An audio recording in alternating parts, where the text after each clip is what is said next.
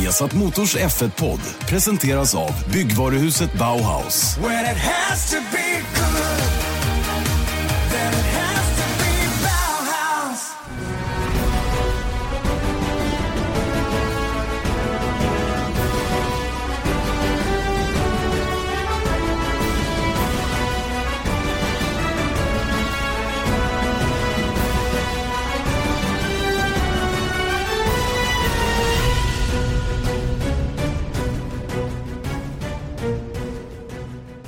Ja, hjärtligt välkomna då till en ny Formel 1-podd. Formel 1-podden tillbaka igen, den här gången inför finalen utav Formel 1-VM 2016. Eh, Formel 1-podden har ni alldeles som vanligt på viasatsport.se, på Acast eller på iTunes. Erik Stenborg, producent på Viasat Motor, med som vanligt eh, hemma i Stockholm. Hur är läget? Jo, det är bra. Det är eh, finalyra på kontoret. Ja, vad härligt. Också. Vad härligt. Trots att jag inte har varit där just idag då, på grund av barn. Erik är småbarnsförälder nämligen. Om jag alla vet vad det innebär så att säga att vara småbarnsförälder så får man ibland stanna hemma och vabba. Hur går det i en sån här final? Klarar man det? Nej, man gör inte det. Så att, eh, jag satt väl till två igår eller någonting, eh, igår kväll för att man vet att det här ska ske och sånt där. Eh, fru bortrest och så vidare. Men skit i det. Mm, är det, är som det, det är som det är. Tid för podd har du i alla fall och det är jag oerhört tacksam för. Det tror jag samtliga lyssnare är också. Eh, fortsätt gärna att rösta på oss på det här podcastpriset. Eh, som du Ja. kan adressen till va? Daytona eller vad heter det? Det är, eh, nu måste jag se. Eh, det är podcastpriset.daytona.se. Så det är bara att söka på podcasten. Just det. Det vore roligt. Ja, vi, vet inte, vi vet fortfarande inte riktigt vad man vinner eller, ehm, eller vad, vad det innebär. Men det är väl, det, är väl en, eh, vad heter det? Ego-boost om inget annat. Om inte annat ja. Och vi utgår ifrån att vi vinner. Om vi nu är med så vinner vi. Det finns liksom inget annat. Ja, Men det är ju så med Formel 1 också på något sätt. Att det är topp, kungaklassen liksom. Så jag vet inte vem som ska kunna ta oss egentligen. Nej, nej finns ingen. Finns ingen.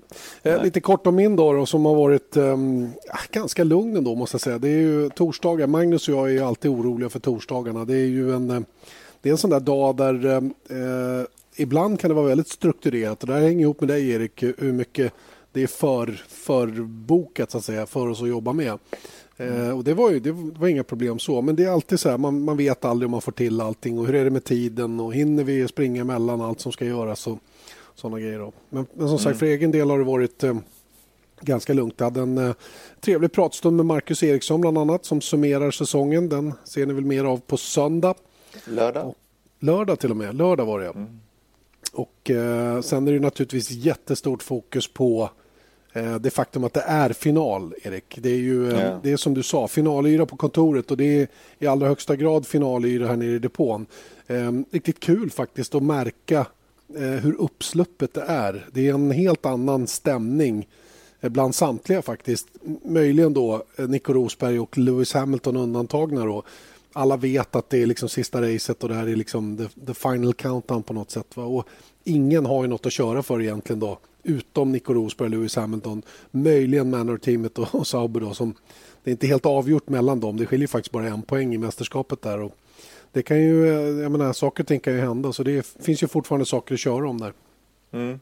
Men det är väl lite också att det här är första VM-avgörandet som går till sista racet sen, nej det är ju i och för sig 2014 var det ju också, men då Ja. var det där med dubbla poäng och, och allting. Så att, och eh, Rosberg hade verkligen en så här outside chans den gången och nu är det ju faktiskt så här, nu är det fight. Trots att Rosberg har rent statistiskt ett, ett överläge så är det ändå så att det känns ändå som att saker och ting kan hända. Utan tvekan. Och jag menar, alla förarna vid presskonferensen och så vidare har ju fått, fått frågan om vem de tror kommer att vinna. Och eh, 99,5 procent i alla fall tror självklart på Nico Rosberg. Och, eh, det var som Jenson Button uttryckte det att Nico Rosberg har en, en dålig dag så är han alltid två eller han borde vara två i alla fall om inget annat händer. Mm. Och, eh, det är det där borde. Exakt. Det är det som är det, grejen. Det trixiga på något sätt. Va? Och, nej, det, jag, är- jag är inte fullt lika säker. Alltså det, det är klart att jag också tror att Nico Rosberg eh, har bäst chanser att vinna VM-titeln och förmodligen också gör det. Men eh, han är trots allt människa och det här är någonting större än han någonsin tidigare varit med om. Att faktiskt mm. vara med på riktigt allvar och vara favorit i ett finalrace på det här viset med allt vad det innebär i form av press utifrån, press från honom själv att, att uh, prestera på absolut bästa nivå samtidigt som man måste vara taktisk. Han kan inte mm. gå huvudstupa in i allting om det inte är en fight hjul mot hjul med, med Lewis Hamilton, då kommer han nog inte att vika ner sig. Va? Men, men i övrigt så är det liksom, det gäller att vara lite smart. Samtidigt så är det ju där att är det en fight hjul mot hjul med just Lewis Hamilton så är de, innebär ju det att de är nära varandra. Och då har ju han ingenting att förlora på att antingen vara hård eller låta honom gå. Och det är det som är, är lite grejen. Men däremot så är det den här grejen som, vi har tjatat om det lite, men, men eh, en Nico Rosberg som, som antagligen kommer köra på säkerhet. Han kan också bli lite väl försiktig just mm. för att han har enorm press. Det, nu, nu, oavsett vad han säger så nu är pressen på. Och Nico Rosberg har allt att förlora. Han bör vinna det här. Och om han blir för försiktig då, då kan det bli eh, du vet, korten kan bara, korthuset kan falla. Mm. En, en tiondel sekund av tvekan in i första sväng, till mm. exempel direkt efter start, eh, så kan allt vara slut. Mm. Eh, det kan också vara att han helt plötsligt åker iväg som åtta ut på första varvet och mm. har då något helt annat framför sig. Eh, att, att ställa om inför hela den situationen. Va? Mm. Och, och um, alla de här sakerna sammantaget gör ju att det, det trycker på så att säga i huvudet tror jag. Det, mm. det, är mm. saker som inte går att tränga undan. Va? Och nu har han ju haft ett mantra egentligen hela tiden fram till nu. Jag tar race för race, jag försöker göra allting precis som vanligt, hej och hå. Men nu är vi framme vid avgörandet. Mm. Jag imorgon... tänker inte på VM, men nu måste han ju börja tänka på Exakt. VM, för det är det det handlar om. För på måndag, då vet vi vem som är världsmästare. Och då, då, liksom, då är man antingen den största förloraren i, i mannaminne eller så är han hjälten liksom som har tagit den här VM-titeln, alltså hett eftertraktad. Jag tycker det är, det är fränt. Och det, som är, det som är kul med allt det här det är ju att man verkligen får, får klart för sig vid, eh, vilken typ av människa han är. Hur stark är han mentalt egentligen? Och, och eh, kommer han att klara all den här pressen? Mm. Och det är lite det som gör det så pass ovisst trots allt i att han har liksom inte riktigt varit, han har aldrig varit i ett överläge i det här skedet av säsongen heller. Så att han vet ju inte ens själv han, hur han kommer reagera. Jag tror säkert att han sätter upp en, en gameplan ungefär. Liksom. Men det är just den där grejen att om saker och ting inte går riktigt som han hade planerat. Säg att han är sexa iväg. Mm. Vet, då han börja, måste han börja attackera och det upplever man ju att han nästan inte har gjort sen ja, vad var det? Malaysia var väl senast. Ja. det, var ju, det var ju då han hamnade i ett läge där han faktiskt fick kriga som en, som en dåre för att komma tillbaka upp på pallen då och blev ju mm. faktiskt mm. tvåa till slut då när Lewis Hamilton tvingades bryta. Mm. Eh, med, med sina motorproblem. Och, och, det är också en faktor som vi inte har nämnt ännu, tillförlitligheten. Att, att eh, den här sista tävlingen, nu, nu är det det sista som finns. Det, mm. det, man tar ut precis allt man har nu. Och det är det sista Sista kilometerna kvar på motorn. Förlåt. Eh, sista kilometerna kvar på motorn som ska användas och, och ja, nu är, finns det liksom inget att spara på längre. Nej, och det är väl där också. Jag undrar lite hur Toto Wolf och gänget i Mercedes tänker runt det här också. För att det, det är självklart, det är ju varenda tävling så försöker de ju skapa så bra förutsättningar som det bara går för sina båda förare. Men nu har de ju ett, ett faktum där att någon av deras förare kommer vinna VM. Och det är självklart då att rent, för det är allt det här då med att Mercedes är ju eh, där i marknadsföringssyfte. Och om det skulle bli så att okay, de kör av varandra eh, eller Rosberg eh, får tekniska problem eller om, om Hamilton får det eller någonting annat går fel på grund av teamet. Det är ju ett katastrofläge när all, hela världens blickar liksom är på Mercedes. Mm. Så att det måste vara oerhörd press trots att VM-titlarna är säkrade. Just att bara få till det här så att det blir på ett snyggt sätt. Tänk om eh, vi kommer till liksom, jag menar som för Fettel i Australien, bryta upp uppvärmningsvarvet, det är ju mm. extremt då. Men liksom, tänk om det skulle hända, så mm. att luften bara går ur hela, hela grejen. Det var ju Bahrain du menar? Bahrain, Bahrain. Mm. Men, Nej men eh, visst, visst, sånt kan ju naturligtvis hända och sen, sen har vi ju nästa faktor då som, som är hur, hur, um, hur den är så är ju, är ju teamet det som går först och, och, och uh, någonstans måste det finnas någon typ av förhållningsord i alla fall kring hur mm. man tar sig an det här racet. Och det är, det är ju det här man är så oerhört nyfiken på att veta. Hur ser Mercedes på den uppkomna situationen? Det faktum Exakt. att de två gubbarna ska köra mot varandra här nu då, om VM-titeln. Det, det, är på alla sätt en avundsvärd situation givetvis. Men när man är så överlägsna som Mercedes är och alla, alla vet att någon av dem kommer att bli världsmästare så vill de ju samtidigt att det här avgörandet ska ske på, på inom citat så snyggt sätt som möjligt också. Mm. Vad, vad, ser du som nyckeln till för Hamilton och nyckeln eh, till Ros, för Rosberg? Ja, så här, Hamilton har ju ingen nyckel. Han, han, eh, nyckelknippan har ju lämnat ifrån sig på något sätt. Va? Det, det är för hans del, och det är någonting han väldigt tydligt upprepar och det sa han också i presskonferensen idag. Det enda jag kan göra det är att liksom gå till mig själv, göra så bra jag kan och försöka vinna racet. That's it. Mm. Och, det, och det gör ju att eh, eftersom inte han har saker och ting i egna händer så kan inte han heller göra så mycket annat. Utan eh, den som eventuellt håller nyckel till sin egen framgång det är ju Nico Rosberg. Och, eh, det, det, och nyckeln för hans del att, att reda ut det här det är att, precis som han själv har sagt hela tiden, försöka i största möjliga mån att jobba precis som vanligt inte tänka på någonting annat än att under fredagen jobba med att få bilen så som han tycker att den känns. Sen, sen tror jag han kan leva med att han är kanske en, två tiondelar långsammare än Hamilton eh, i kvalet på lördag. Va? Det är fine.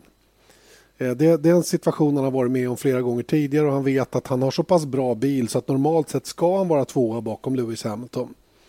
Men sen kommer vi till söndagen och då är det ju där att hålla nerverna i styr. Och det är det som jag tror kommer att bli nyckeln. Att hålla nerverna i styr. Att, att mm. bara göra saker precis så som han brukar. Då är han sämst tvåa. Jag kan inte mm. tänka mig någonting annat.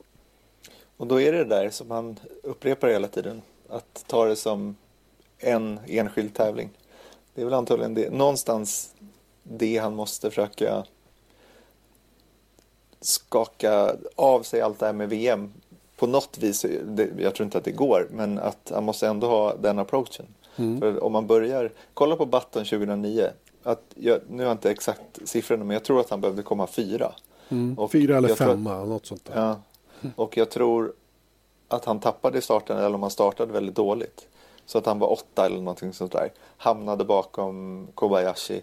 Och liksom, man hörde ju hur han skrek på radion. Inte liksom argsint men bara liksom okej okay, nu, nu, nu, nu, jag måste liksom för att han förstod ju vad som var det innebar.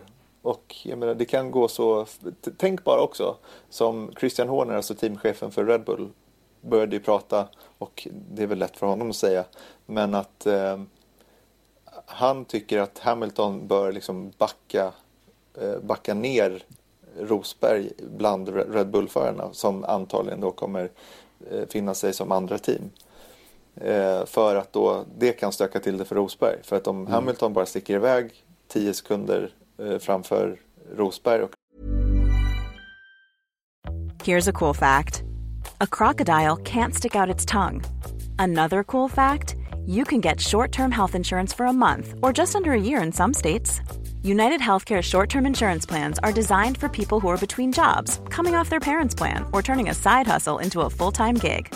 Underwritten by Golden Rule Insurance Company, they offer flexible, budget friendly coverage with access to a nationwide network of doctors and hospitals. Get more cool facts about United Healthcare short term plans at uh1.com. The number one selling product of its kind with over 20 years of research and innovation. Botox Cosmetic, out toxin A, is a prescription medicine used to temporarily make moderate to severe frown lines, crow's feet, and forehead lines look better in adults. Effects of Botox Cosmetic may spread hours to weeks after injection, causing serious symptoms. Alert your doctor right away as difficulty swallowing, speaking, breathing, eye problems, or muscle weakness may be a sign of a life threatening condition. Patients with these conditions before injection are at highest risk. Don't receive Botox Cosmetic if you have a skin infection. Side effects may include allergic reactions, injection site pain, headache, eyebrow and eyelid drooping, and eyelid swelling. Allergic reactions can include rash, welts, asthma symptoms, and dizziness. Tell your doctor about medical history, muscle or nerve conditions including ALS or Lou Gehrig's disease, myasthenia gravis, or Lambert-Eaton syndrome and medications, including botulinum toxins, as these may increase the risk of serious side effects. For full safety information, visit BotoxCosmetic.com or call 877-351-0300. See for yourself at BotoxCosmetic.com. Rosberg kan ligga bara där och hänga. Då, då kommer ingenting hända. Däremot om han liksom då, jag vet inte hur det skulle kunna fungera rent praktiskt, men att han liksom på något sätt försöker styra racet så pass att, att eh, Rosberg får andra att bekymra sig om. Mm. Nej, men eh, det, det är precis det som... Det var för Eje, och, Eje, jag och Rickard spelade ju i magasin nu som finns på viasasport.se för övrigt. Om det inte är uppe än så kommer det. Eh, och eh, precis när vi var klara då sa Eje det. Det intressanta är ju vad som händer menar han på om Hamilton, ja. Hamilton är, är i ledningen med ett par sekunder före Rosberg, tio varv kvar. Red Bull eller Ferrari ligger trea med Vettel, Verstappen, Ricardo eller Räikkönen, whoever. Mm. Eh, vad gör han då? Och han har ju egentligen bara en chans då och det är ju att backa ner Rosberg mot. Nu har ju Hamilton mm. sagt själv att det kommer han inte att pyssla med. Han tillbakavisar allt sånt. Men han är ju inte dummare än att han kommer ju att försöka. Han har ju ingenting att förlora på det. Utan eh, han har ju allt att vinna på att en sån plan skulle kunna gå vägen. Och, ja, det är, det är ju ett raffinerat sätt i sånt fall men um, all to play for för him. Mm. Och, eh, men eh, en annan aspekt är ju det här att okej, okay, nu är det, det kommer inte regna, det är inga konstigheter som, som kommer att eh, ske rent vädermässigt antagligen den här helgen. Men tänk då om Red Bull eller Ferrari råkar kvala, tänk, om Rosberg är lite försiktig på lördag. Det, det behöver han inte vara, men han kanske inte tar ut det där max för att behöva starta tia. Eh, och sen så kommer eh, en eller två Red Bulls och en Ferrari framför. Jaha, då är det helt annorlunda mm. också. Och, eh, eller bomma starten som vi säger. För att jag menar Red Bull och Ferrari är hyfsat med nu ändå. Mm. Och då var, måste han ju... var det inte precis det som hände Sebastian Vettel vill jag minnas 2012? Kvalade inte Webber och han trea, fyra? Eh, i det avslutande racet när ni vet att Vettel eh, snurrade också ner i kurva 4 då efter att ha varit sådär überförsiktig in i kurva 1, mm. tappat några placeringar till och sen så kom de ner då till kurva 4 och så blev han påkörd och snurrade runt och sen så fick han ju kriga som, som en vettvilling för att komma tillbaka på, på VM-vinnande position så att säga då. Mm. Och det, där har du ju ett jättebra exempel på hur, hur en förare får så att säga, gummiarm då, som jag brukar kalla det. Att, man, att nerverna tar över. Man börjar tänka mm. för mycket. Man gör inte saker instinktivt. Och, eh, och Vettel var ju oerhört... Ehm, jag vet inte varför han inte var med och slog som pole, vilket han var, vanligtvis gjorde den här säsongen. Eh, just inför det här avslutande racet. Om. Det hade med, med VM-fighten att göra. Och han, han försökte vara taktisk, smart, göra rätt saker. Va? Och alla de här bitarna, det, det är svårt att, att genomföra. Så jag, jag tror att det är närmast omöjligt att köra på resultat på det viset. Mm. Ja, men det, det är väl liksom att till och med Fettel då blir så pass försiktig att han han kör inte som han brukar och då vet han inte riktigt hur, hur han ska hantera kurva 4 när det är massor av folk runt omkring honom. Så det där är, ja, alltså allt det här är hypoteser men eh, mm. eh, jag menar vi kan i alla fall konstatera att bara för att han leder med 12 poäng och behöver bara komma trea oavsett vad Hamilton gör så det är knappast avgjort. Verkligen inte. Jag, jag, jag tycker det är upplagt för ett superdrama. Eh, verkligen. Va? Och det kanske vi säger ännu mera på söndag när vi vet precis innan start var de kommer att starta ifrån för positioner. Idag, det, det kan ju vara så att Nico Rosberg tar pole på lördag. Mm. Och, och, startar från första rutan och tar starten och sticker och sen mm. är det godnatt. Liksom. Det kan ju bli så också. Det har vi ingen aning om naturligtvis. Va? Och det har Nej, absolut... och Hamilton får sin, sitt tredje motorras i kval eller någonting sånt där. Det, det, det, är klart att sånt kan hända men you know. Mm, jag hoppas det avgörs på banan i vilket fall som helst. Det, det, något annat vore tråkigt på något sätt. Va? Det vore att blåsa oss på konfekten lite grann. Mm. Så att, är extremt angelägen om att det verkligen blir körning om det så att säga. Va? Att det dessutom kan bli så mycket nerver att vi, vi vi får täta fighter på banan. Riktiga jul mot julgrejer som, som verkligen kan, ehm, kan bjussa på någonting. Göra den här till en episk avslutning. Och det, det leder mig lite grann på... Kom, kommer du ihåg några såna här riktiga showdowns som, som, ehm, där du kanske vill rangordna någon lite mer än någon annan? Alltså, det, det är ju svårt att inte säga 2008. Eh, I Brasilien, eh, massa vinner tävlingen och sen så med två kurvor kvar så, så ligger Hamilton, han går ju faktiskt i mål som världsmästare. Mm. Hela Ferrari-teamet, eh, de här klassiska, eh, klassiska, klassiska bilderna med hans pappa som står och hoppar tillsammans med Ferrari-mekanikerna innan och in, innan då att Hamilton tar sig förbi Glock som det har blivit massa konspirationsteorier om. Vilket är eh, rent ut sagt bullshit då men, men och Hamilton blir femma va? Mm. Behövde ta sig förbi Glock då för att bli femma och ja. ta den där. Och vinner alltså VM med en poäng. Mm. Och mitt i firandet så kommer någon och säger till eh, den där högen med pappan i mitten, Massas pappa i mitten och bara nej det blev ingenting. Och den, den blicken tycker jag är det mest klassiska i Formel 1 nästan. Mm. Ja, det är en bra final, det håller jag med om. Eh, tycker 2009 var en bra final också. Det är roligt att vi tar upp de här två för att eh, även då i mixade zonen idag så fick eh, både Felipe Massa och Jenson Button frågan eh, vilken de tyckte var deras eh, favoritavslutning genom alla tider. Och, och Jenson Button var inne på att han tycker det är kul när det står mellan två team. Jag trodde faktiskt han skulle välja sin egen 2009 som var så pass mm. spännande för hans del. Då.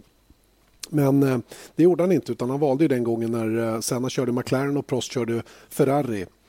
Eh, som, som, slutade lite tråkigt om jag vill minnas det hela rätt in i första kurvan på Suzuka. Mm. Eh, sen sen eh, Felipe Massa han, han, tyckte faktiskt sin egen final den 2008 var den, den final, trots att han inte gick vinnande ur den kampen då, var, var hans favorit i det avseendet. Då.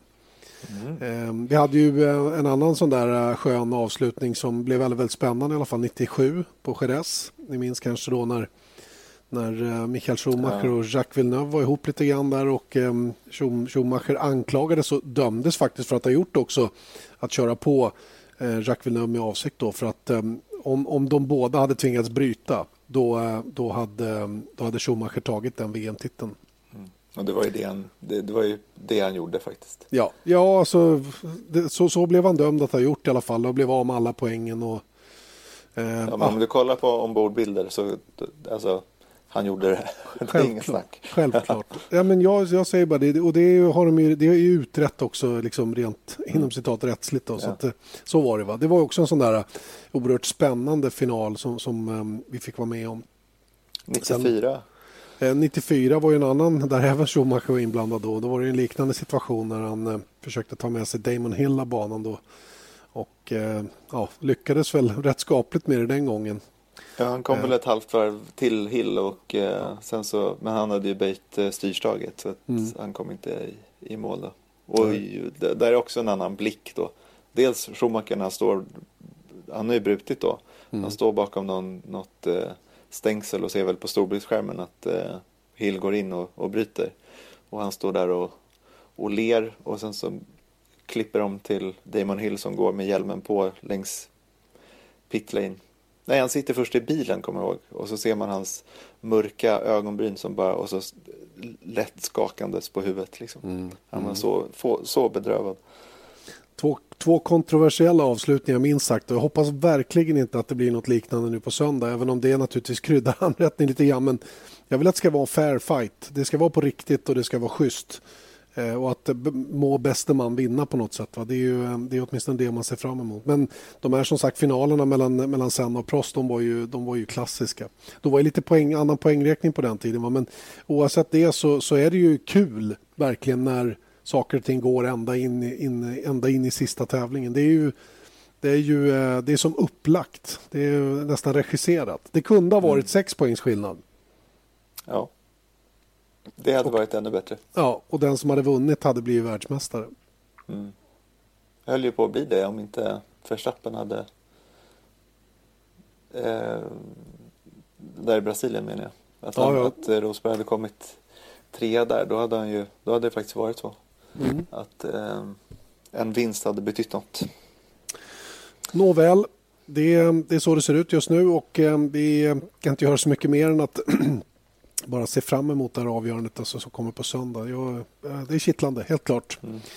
Vi sänder eh, 9.55 imorgon eh, eh, mitt i första träningen eh, i fredag alltså och sen så 13.55 eh, fredag eftermiddag träning 2 10.55 träning 3 på lördag och sen så eh, 13.40 eh, kvalet och sen så 13.15 på söndag. Så det är europeiska tider trots att ni ligger tre timmar framför. Tre timmar före, ja precis. Det vill säga, ja, det är egentligen oviktigt för alla kommer inte att lyssna på den här precis nu. Men, eh, men det är, jag har faktiskt avslutat kvällens middag när du sitter där framme vid ja, sen eftermiddag i alla fall hemma i Sverige. Mm. Vad konstigt det kan vara med, Ja, eller hur? med Märkligt tidsomställning. med Alltså. tidsomställning. Mycket märkligt. Mycket märkligt. Du har inte vant dig vid det trots att Nej, du varit ute på verkligen inte. 18 Det är- år. Det är helt, helt galet. Mm. Ehm, ja, vi, vi har pratat um, finalyra, vi har pratat VM-fight givetvis då som är det kanske viktigaste den här helgen. Men sen var vi inne på det här mellan Sauber och Manor.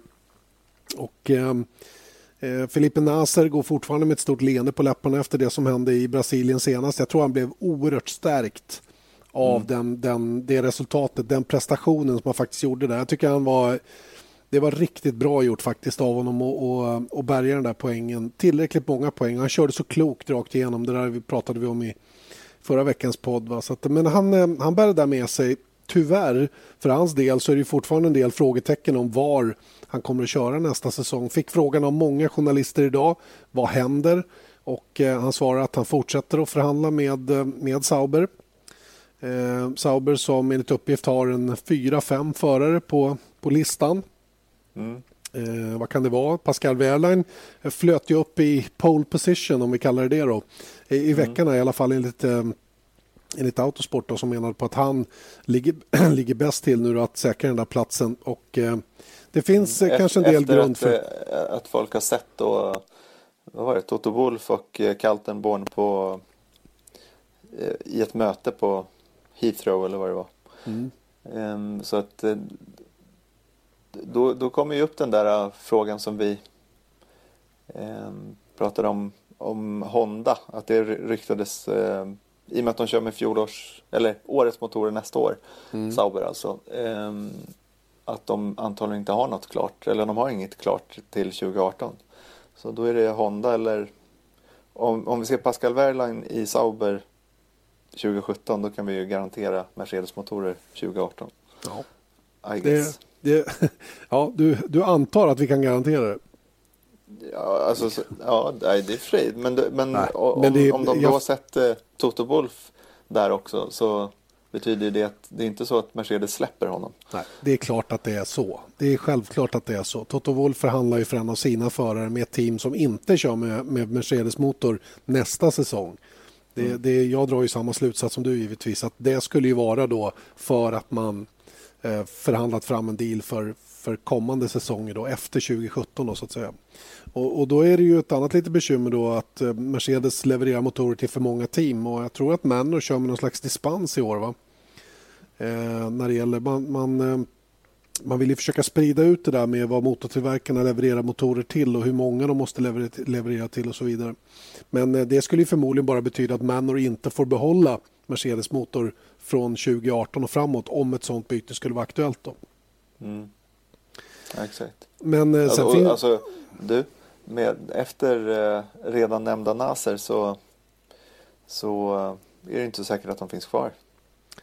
Manor alltså. Nej, fast idag har det nämligen flyttat upp lite nyheter kring det. Att eh, det finns en ny investerare som är, som är intresserad av att eh, kanske köpa en, eh, en eh, majoritetsdel i teamet. I'm Nick Friedman. I'm Lee Alec Murray. And I'm Leah President, and this is Crunchyroll Presents The Anime Effect. We are a new show breaking down the anime news, views, and shows you care about each and every week. I can't think of a better studio to bring something like this to life. And Yeah, I agree. We're covering all the classics. if I don't know a lot about Godzilla, which I do, but I'm trying to pretend that I don't right now. Hold it in, hold And our current faves. Luffy must have his due. Tune in every week for the latest anime updates and possibly a few debates. Oof. I remember, what was that? Say what you're gonna say, and I'll circle back. you can listen to Crunchyroll Presents The Anime Effect every Friday wherever you get your podcasts. And watch full video episodes on Crunchyroll or the Crunchyroll YouTube channel.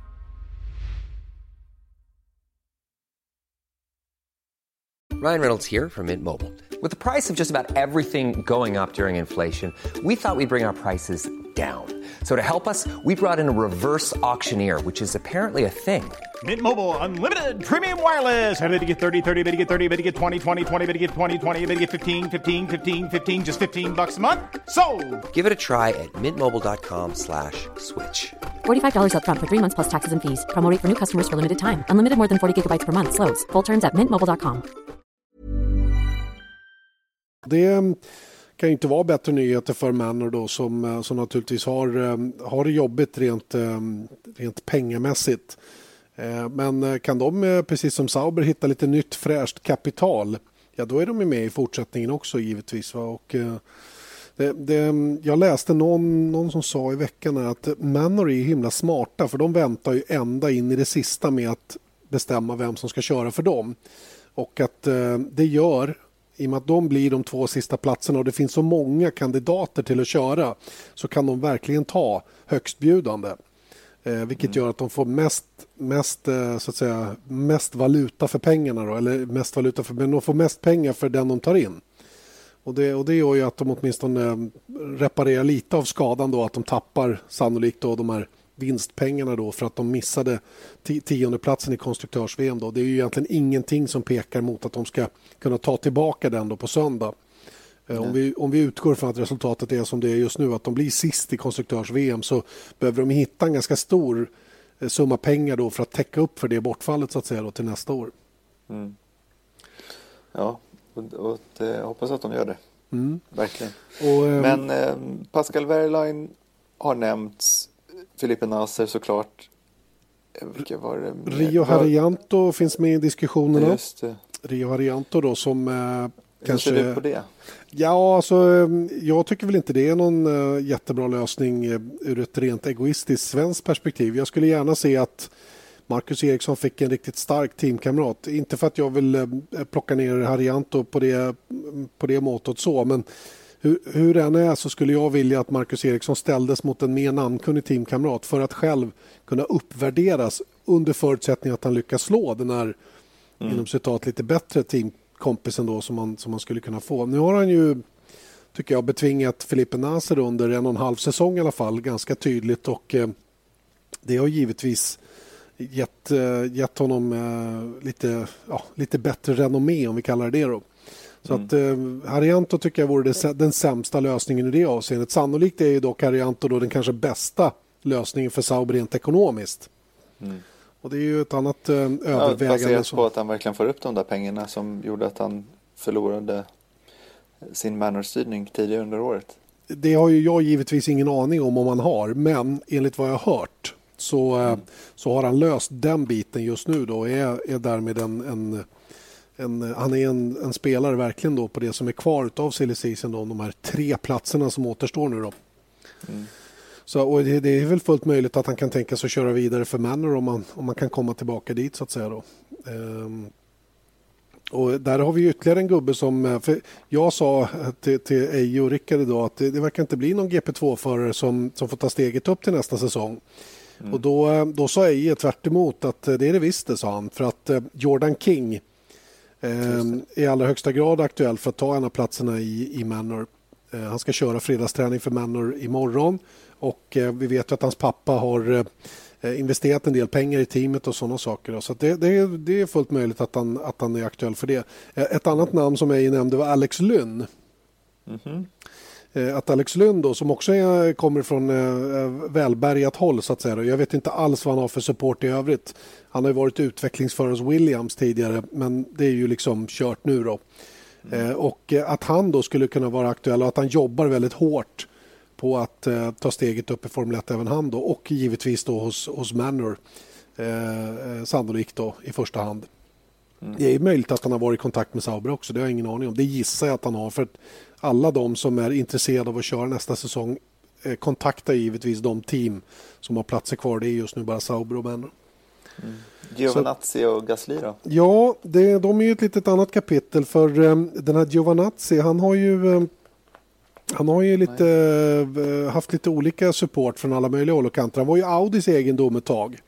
Mm. Sen, sen sades det ju att Mercedes tog honom under sitt paraply då, under den tiden han körde i Formel 3 och var duktig där. Eh, sen så, eh, det senaste som har dykt upp eh, när det gäller Giovanazzi det är att Ferrari jobbar väldigt, väldigt hårt för att eh, han ska få en plats i, i Formel 1 på ett eller annat sätt. Va? Så att, ehm, eh, det, men sen är ju frågan om, om det intresset från Ferraris sida då är tillräckligt lukrativt då för, eh, för ehm, det team då som, som har platser kvar. Det, det vet inte jag. Pierre Gasly däremot, är, han, det är, det är ett, ett, ett svårare kapitel. Det är Gasly och Giovanazzi som kör om årets GP2-titel. GP2-finalen som vi också visar för övrigt den här helgen med race både mm. lördag och söndag. Eh, Gasly som eh, trodde att han var klar för en plats i, i Toro Rosso till nästa år blev ju blåst på det när, eh, när Toro Rosso valde att behålla eh, Daniel Kviat ett år till och, och, redan tidigare då hade kontrakterat eh, Carlos Sainz. Mm. Sen, sen, vet vi att det var de här frågetecknen om Sainz var på väg till Renault eller inte och att eh, Renault har jobbat väldigt hårt på att köpa loss spanjoren. Det gjorde väl att hoppet Eh, ökade lite grann igen för Gasly då att kanske få en plats i Toro Rosso i alla fall. Men det verkar ha gått om inte, eller det har gått om inte, det vet vi nu eftersom Renault har bestämt sig för vilka som ska köra där nästa säsong. Så det gör ju faktiskt att de två längst fram i GP2 kanske har mindre möjligheter att ta sig upp i Formel 1 än två killar som ligger längre ner i tabellen, nämligen Lynn och Jordan King. Det är ju en speciell situation minst sagt. Mm. Om Giovinazzi däremot, om det är det här problematiken runt motorn för Manor. Mm. Det kan ju mycket väl bli så att eh, Manor kör Ferrari 2018 och eh, Sauber kör Mercedes. Så Just att de swappar det. Att det blir och då har vi ju Giovinazzi i, eh, i Mänö är det inte konstigt längre. Nej. Nej, faktiskt inte. Så att, äh, det, är, det är högeligen intressant fortfarande på, på silly season-fronten då med de här platserna längst bak. Och, ja, det är ju... Äh, det här är inget nytt. Många, många, väldigt många som man läser och uttrycker sig på forum och så vidare menar på att det är bara pengar som styr nu för tiden och hej och Självklart är det så. Eh, men, och att det, det är köpesitsar längst bak så att säga på, i, i vissa avseenden. Va? Men det här är ju inget nytt. Så här har det ju varit i alla tider egentligen att, att förare som är precis på gränsen eh, naturligtvis måste eh, öka sina egna chanser genom att bidra till teamet på något annat sätt. Mm. Och, ja, men kolla bara på de som är aktuella mm. nu. I, alltså Pascal Wehrlein, han är ingen, liksom, han är highly rated. Han var ju Mercedes eh, liksom, golden boy mm. bara för ett år sedan. Mm. Så att han är ingen eh, liksom, skitförare liksom, direkt som bara kommer med betalning. Däremot kan man ju tycka så här, okej, okay, Ria Harianto, han kanske inte meriterna på samma sätt. Eh, I varje fall om man jämför med med eh, Verline som är DTM-mästare och, och allt vad det är. Men det, det, är inga, det är klart att det handlar ju om paket. De vill ju mm. ha en så bra förare för så mycket pengar som möjligt. Mm. Och så, så, mycket potential som möjligt såklart. Så att det är där ekvationen är, inte i så här, vi tar bara den som betalar. Mm. Nej, nej men så är det ju inte. Du vet, du och jag kan inte köra Formel 1. Nej, nej. Och, och, och en som vill komma med en miljard liksom. Nej, det, då, det, då får vi starta ett eget team i så fall. Ja, ska vara det då. Nej, men jag, det, det där har vi pratat om så många gånger tidigare. Jag tycker det är en mm. fånig diskussion. Det så här funkar det. Och det, det, det, det, det finns ingen egentligen utom, utom de tre främsta teamen som, som har eh, helt och hållet avlönade förare. Och jag menar, även där vem, vem, vem tror man har betalat för Carlos Sainz karriär fram till nu? Inte ja. 17 är det Red Bull Racing som har gjort det i alla fall. Utan Nej. det är Red Bull som har gjort det.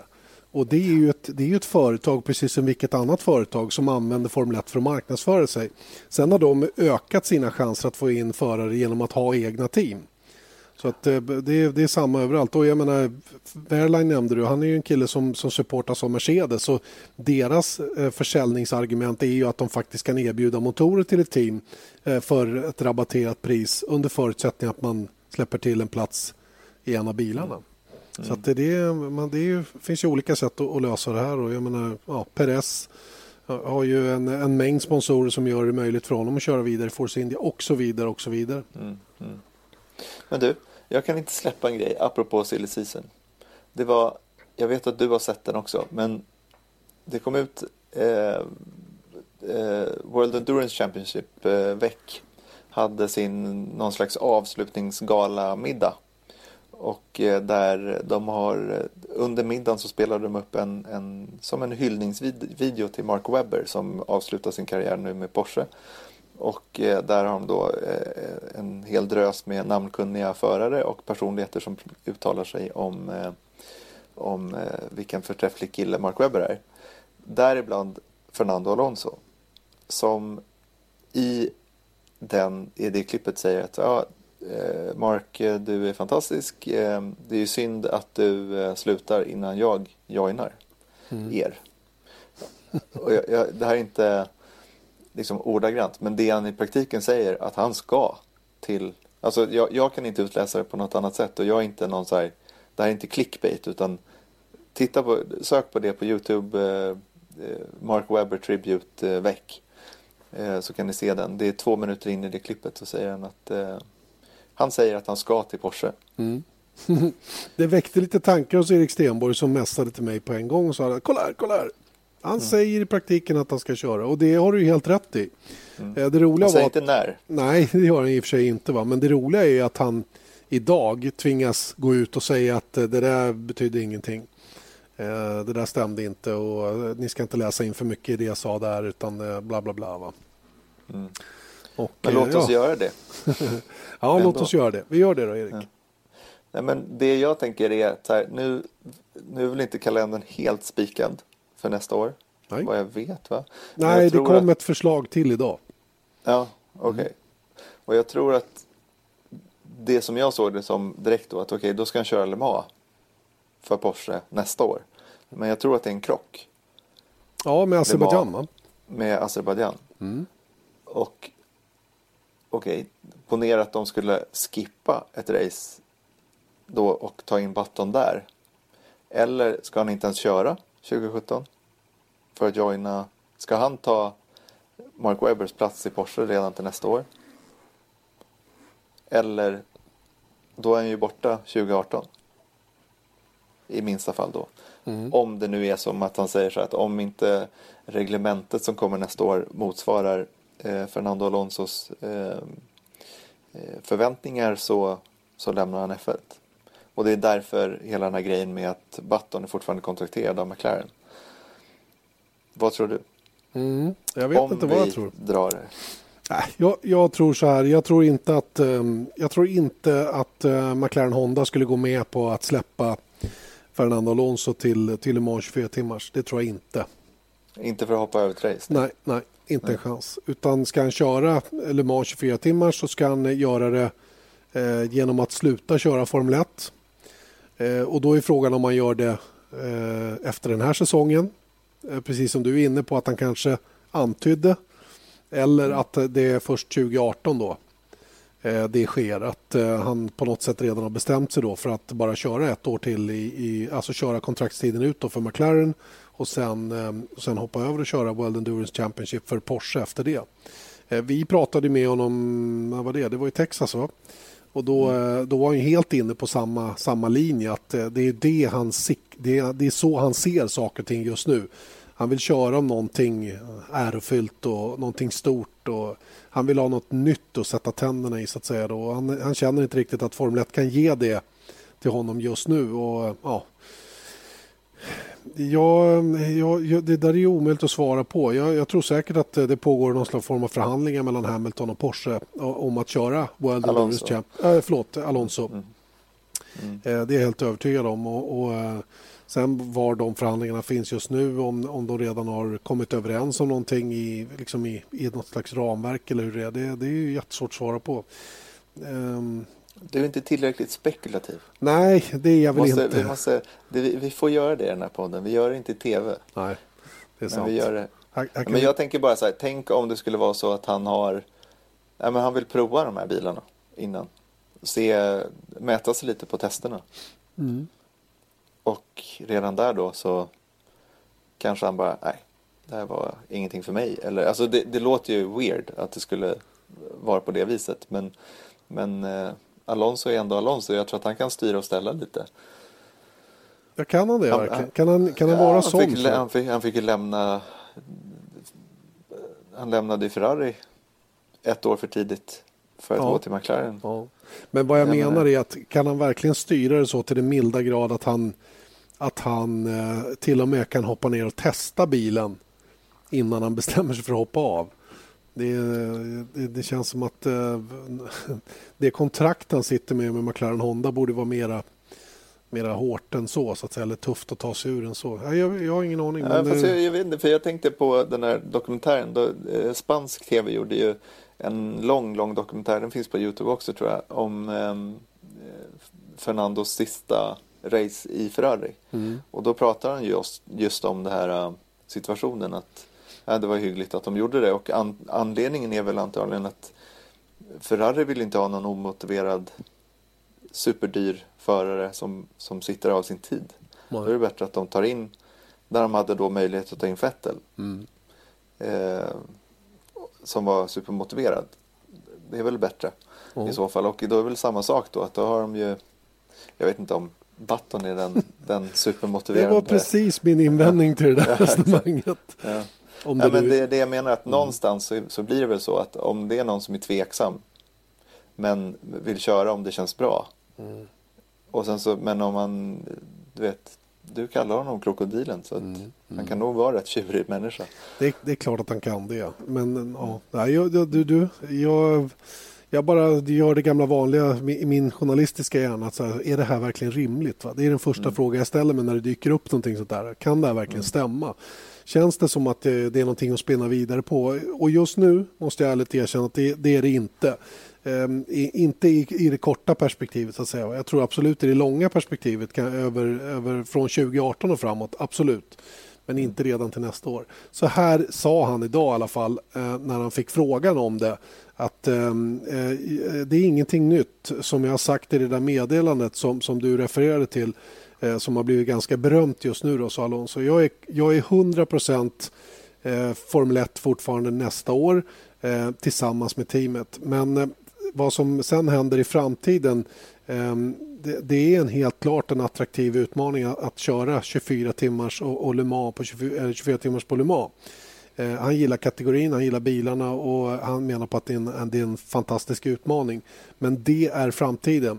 Eh, eh, och han vet inte om det betyder om två år, eller om fem år eller om elva år. Jag vet inte, säger han. Eh, Det första och främsta jag vill göra just nu är att vinna ett tredje världsmästerskap i Formel 1 och sen kommer jag att ta ett beslut. Du, Men, men... jag försökte. Ja, nej men det är bra. Men du, hur lät det hela året när han till slut hoppade av Ferrari? Han sa exakt samma sak. Jag är Ja, fully 100% committed. committed, bla bla bla, bla bla bla. Så att eh, det finns, eh, det finns eh, aldrig någon rök utan eld. Nej. Du, nu, nu har jag fått med dig på tåget här känner jag. Ja, det är bra. Det är Då, bra. då, då, läm, då lämnar vi det här. Vi det lämnar var i alla fall eh, lite spekulationsgrejer. Du, vi har inte nämnt att eh, en viss Marcus Eriksson har förlängt. Det var så pass eh, o, oväntat för oss att vi inte ens tar upp det. Nej. Förrän Du- 45 minuter in.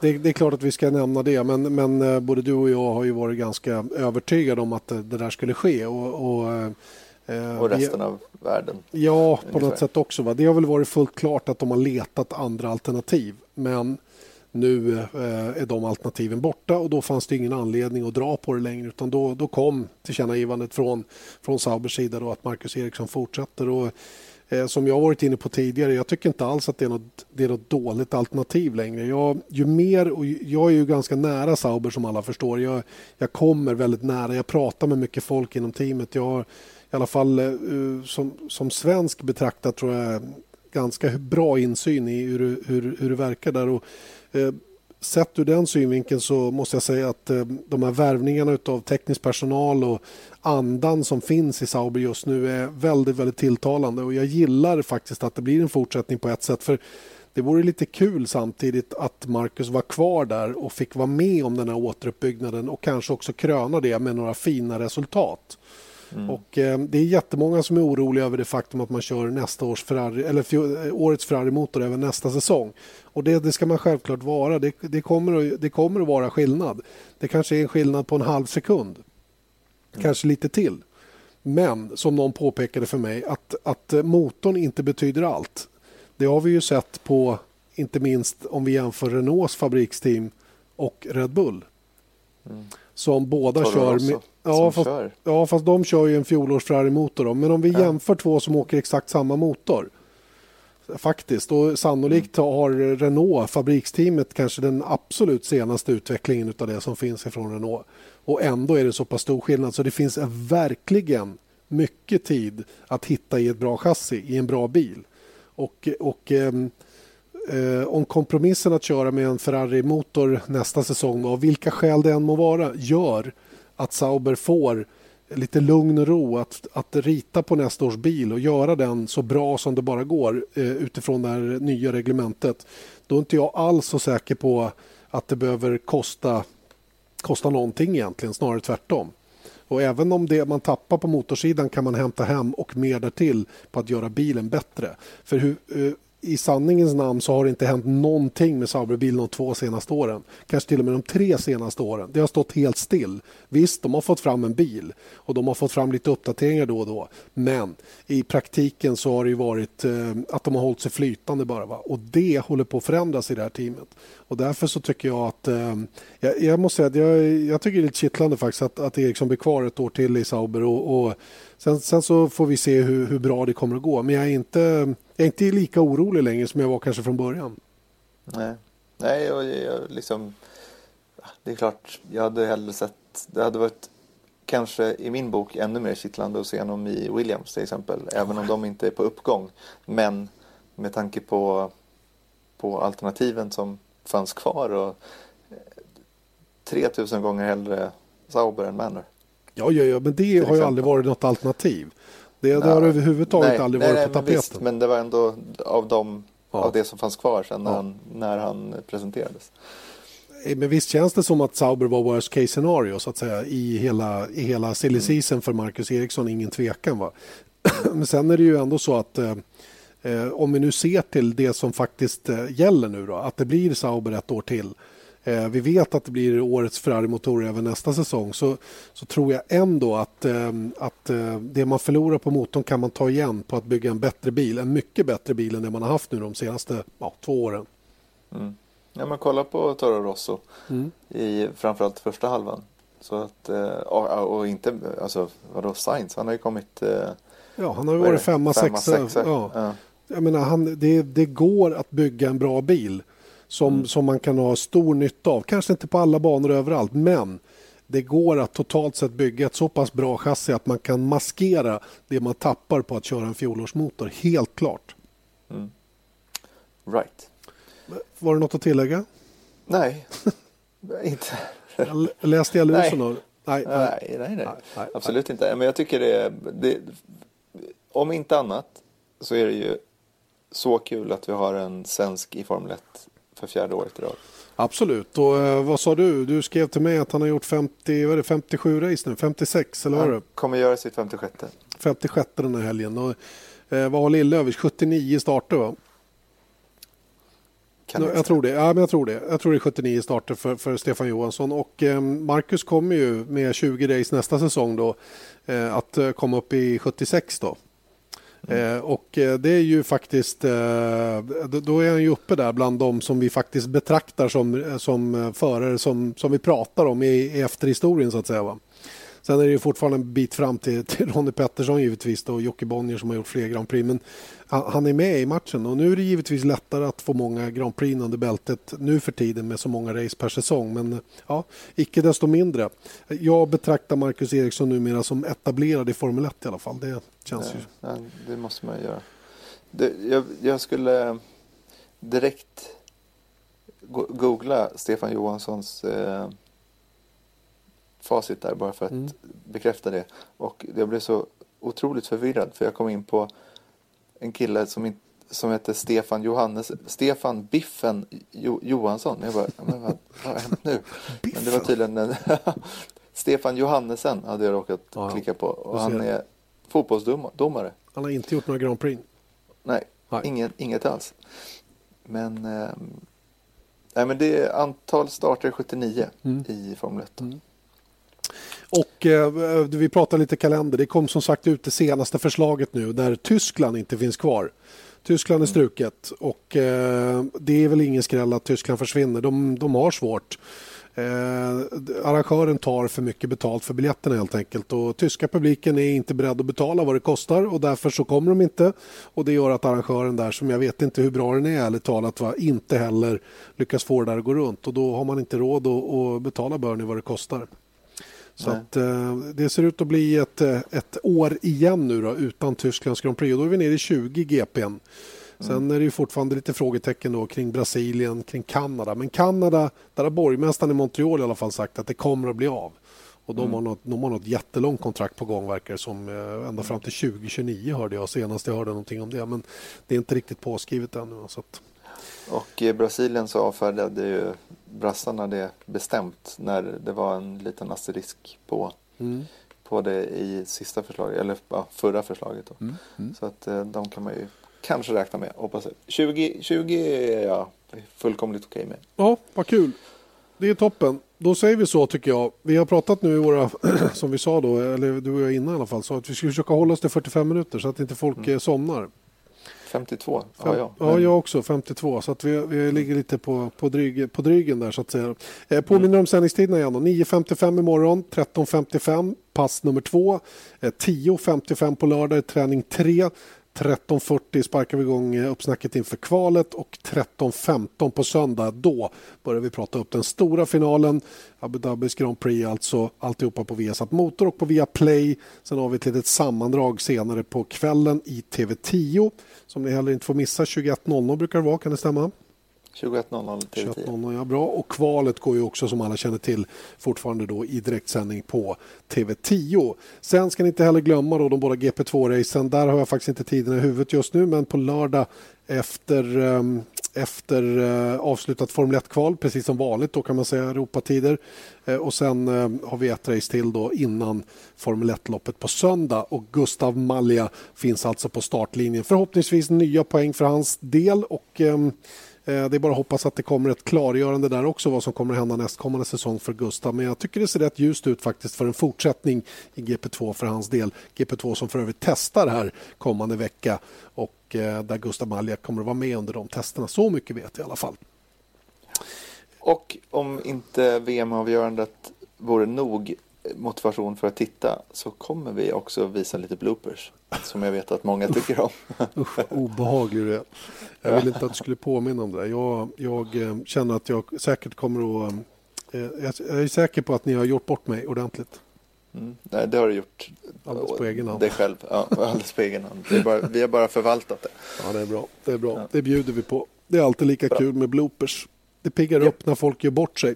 Hör du, då tackar vi för oss. Ta hand om din son. Hoppas att han kryar på sig. Vi eh, hörs eh, fortsatt under helgen. Tack så länge säger vi nu från F1-podden. Janne Blomqvist och Erik Stenborg. Vesat Motors F1-podd presenterades av byggvaruhuset Bauhaus.